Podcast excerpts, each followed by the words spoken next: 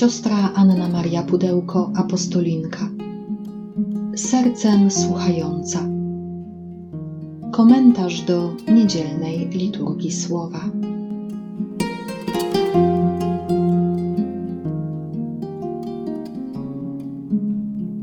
Z Ewangelii według świętego Jana. Jezus powiedział do swoich uczniów: Gdy przyjdzie paraklet, którego ja wam poślę od Ojca, duch prawdy, który od Ojca pochodzi, on zaświadczy o mnie, ale wy też świadczycie, bo jesteście ze mną od początku. Jeszcze wiele mam wam do powiedzenia, ale teraz znieść nie możecie.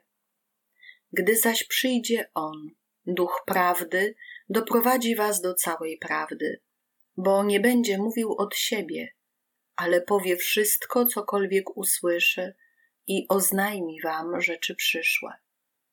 On mnie otoczy chwałą, ponieważ z mojego weźmie i wam objawi. Wszystko, co ma ojciec, jest moje. Dlatego powiedziałem, że z mojego weźmie i wam objawi. Niedziela zesłania Ducha Świętego, niedziela pięćdziesiątnicy, zamyka czas wielkanocny, czas paschalny roku liturgicznego. Dzisiaj dochodzimy do pełni.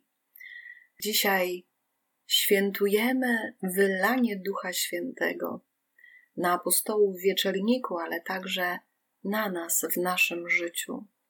Dziś właśnie liturgia przypomina nam o tej bardzo ważnej obecności, jaką jest Duch Święty, który przypomina nam to wszystko, co Chrystus powiedział, ale też ten, który kształtuje rysy Chrystusa w nas, w naszej duszy i który prowadzi nas do Ojca. Paraklet to znaczy dosłownie rzecznik, obrońca, ten, który stoi po naszej stronie, ten, który chroni nas i broni przed wszelkim złem, ale również ten, który przypomina nam, jak bardzo zostaliśmy przez Ojca obdarowani. To, co jakoś niesamowicie porusza mnie w tym słowie, to to, że duch jest wielkim słuchającym.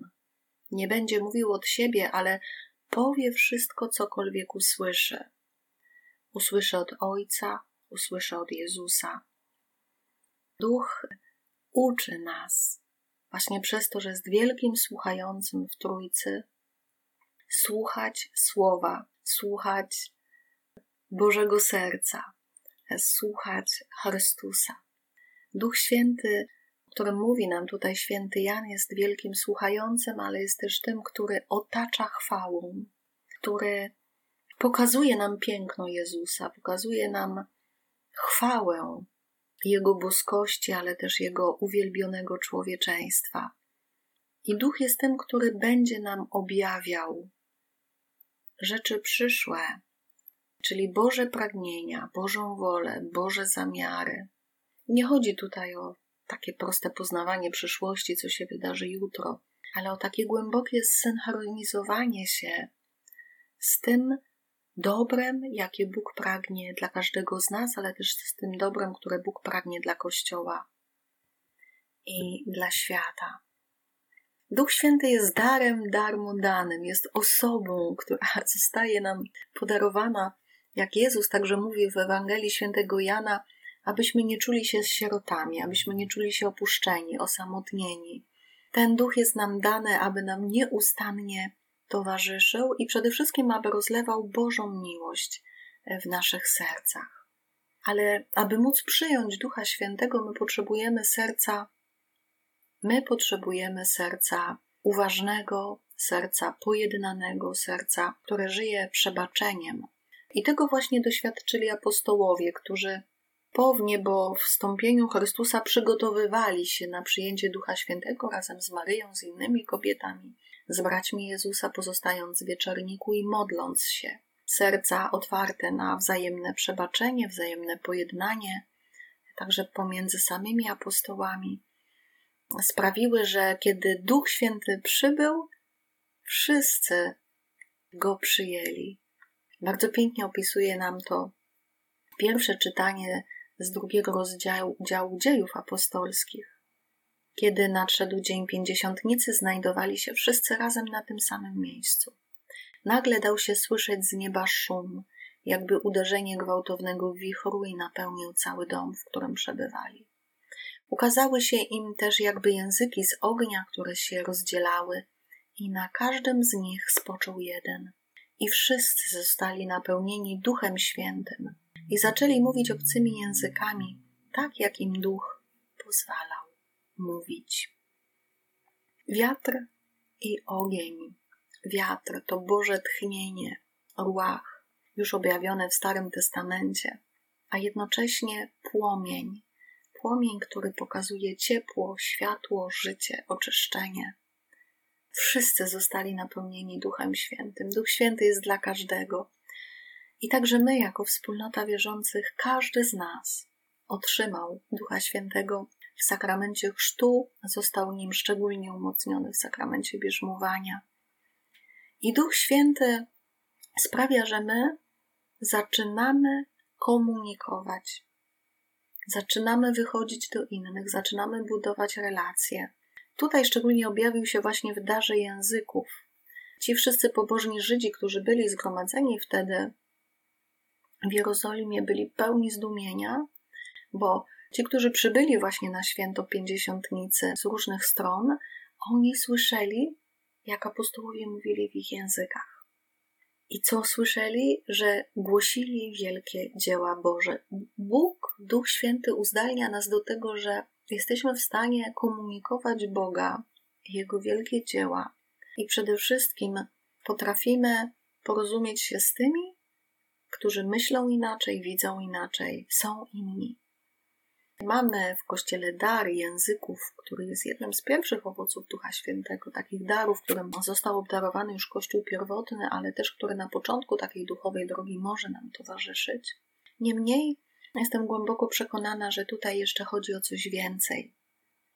Chodzi o tą umiejętność porozumienia się z drugim człowiekiem, chęci zauważenia jego inności, chęci spotkania go tam, gdzie naprawdę jest, bez oceniania, bez potępiania, ale tej chęci otwartości, która sprawia, że mogę drugiemu człowiekowi opowiedzieć o Bogu, obdarzyć go, obdarzyć go dobrą nowiną. Wydarzenie z wieczornika jest przeciwnością wieży Babel. Tam ludzie mówili jednym językiem, ale używali tego języka właśnie po to, by w pewien sposób sprzeniewierzyć się Bogu, więc Bóg pomieszał języki. Faktycznie może tu chodzić o wielość języków, ale też może chodzić o taką nieumiejętność zrozumienia, że wtedy, kiedy nie stawiamy Boga w centrum naszego życia, to oddalamy się i od Niego, i od siebie. Psalm 104 jest przepięknym hymnem uwielbienia Boga. I niech ten psalm dzisiaj będzie naszym dziękczynieniem za dar Ducha Świętego w naszym życiu i za to, czym już Duch Święty nas obdarzył i jak nas prowadzi. Błogosław, duszo moja Pana, Boże mój Panie, Ty jesteś bardzo wielki. Jak liczne są Twoje dzieła, Panie. Ziemia jest pełna tych Twych stworzeń. Gdy odbierasz im oddech, marnieją i w proch się obracają. Stwarzasz je, napełniając swym duchem i odnawiasz oblicze ziemi. Niech chwała Pana trwa na wieki. Niech Pan się raduje z dzieł swoich. Niech mu będzie miła pieśń moja. Będę radował się w Panu. Duch Święty, który otacza chwałą Jezusa, inicjuje w głębinach naszego serca pieśń dziękczynienia, pieśń uwielbienia. Będę radował się w Panu. Jakie są dzisiaj moje motywy radości? I jaką pieśń znów pragnę zaśpiewać mu z głębi mojego serca? Niech miła mu będzie pieśń moja. Błogosław, duszo moja Pana. W jaki sposób możemy żyć Duchem Świętym? Bo te dary, te owoce są dla nas na wyciągnięcie ręki. O tym nam, o tym nam mówi Święty Paweł w drugim czytaniu, które usłyszymy z piątego rozdziału listu do Galatów, święty Paweł bardzo tak klarownie, jasno rozróżnia pomiędzy życiem według Ducha Świętego, czyli życia w duchu, i według pożądań ciała. Duch otwiera nas na drugiego, otwiera nas na miłość, otwiera nas na relacje. Pożądliwość jest owocem egoizmu, czyli nieumiejętności kochania. Tutaj nie chodzi o ciało w sensie naszej fizyczności, cielesności, ale właśnie w sensie takiej pierwotności, takiej wręcz instynktowności w nas, gdzie my dążymy tylko do tego, co nasze, w ogóle nie zwracając uwagi na dobro drugiego, i wtedy zaczynamy go krzywdzić. I Paweł mówi, jakie postawy, jakie uczynki rodzą się właśnie z naszej ludzkiej porządliwości, takiej chciwości, zaborczości.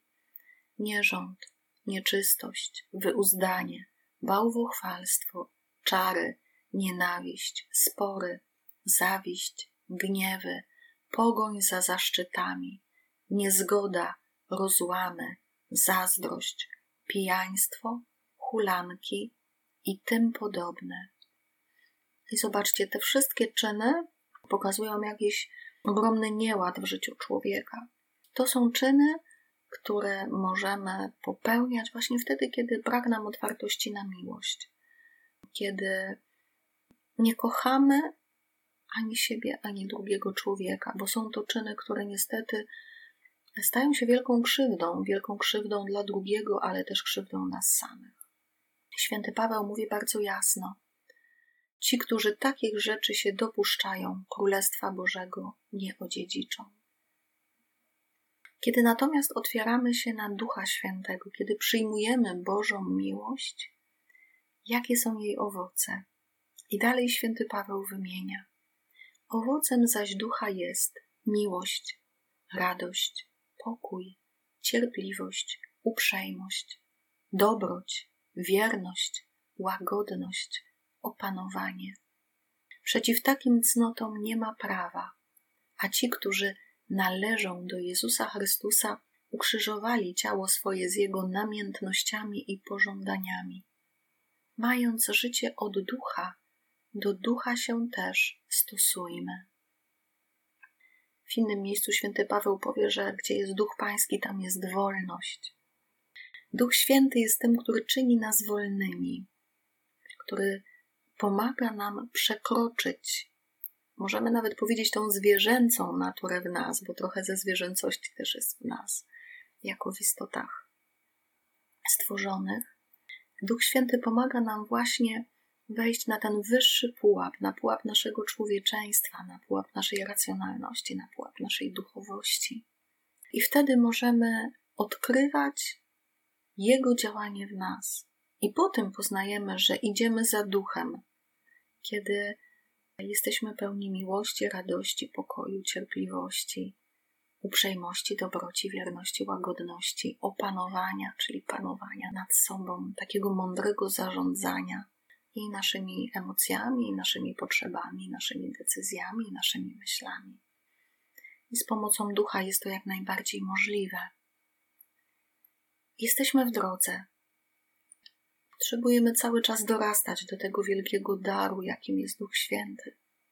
Ale dzisiaj znajdźmy chwilę czasu właśnie na to, aby wołać o Ducha Świętego, prosić i przyjmować w wierze, bo On już jest nam dany.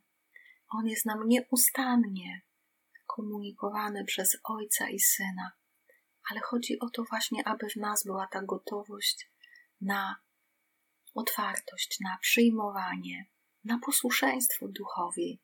A to posłuszeństwo duchowi jest tak naprawdę naszą największą wolnością, ponieważ duch pragnie tylko naszego dobra, duch pragnie naszego szczęścia, duch pragnie, abyśmy owocowali w miłości.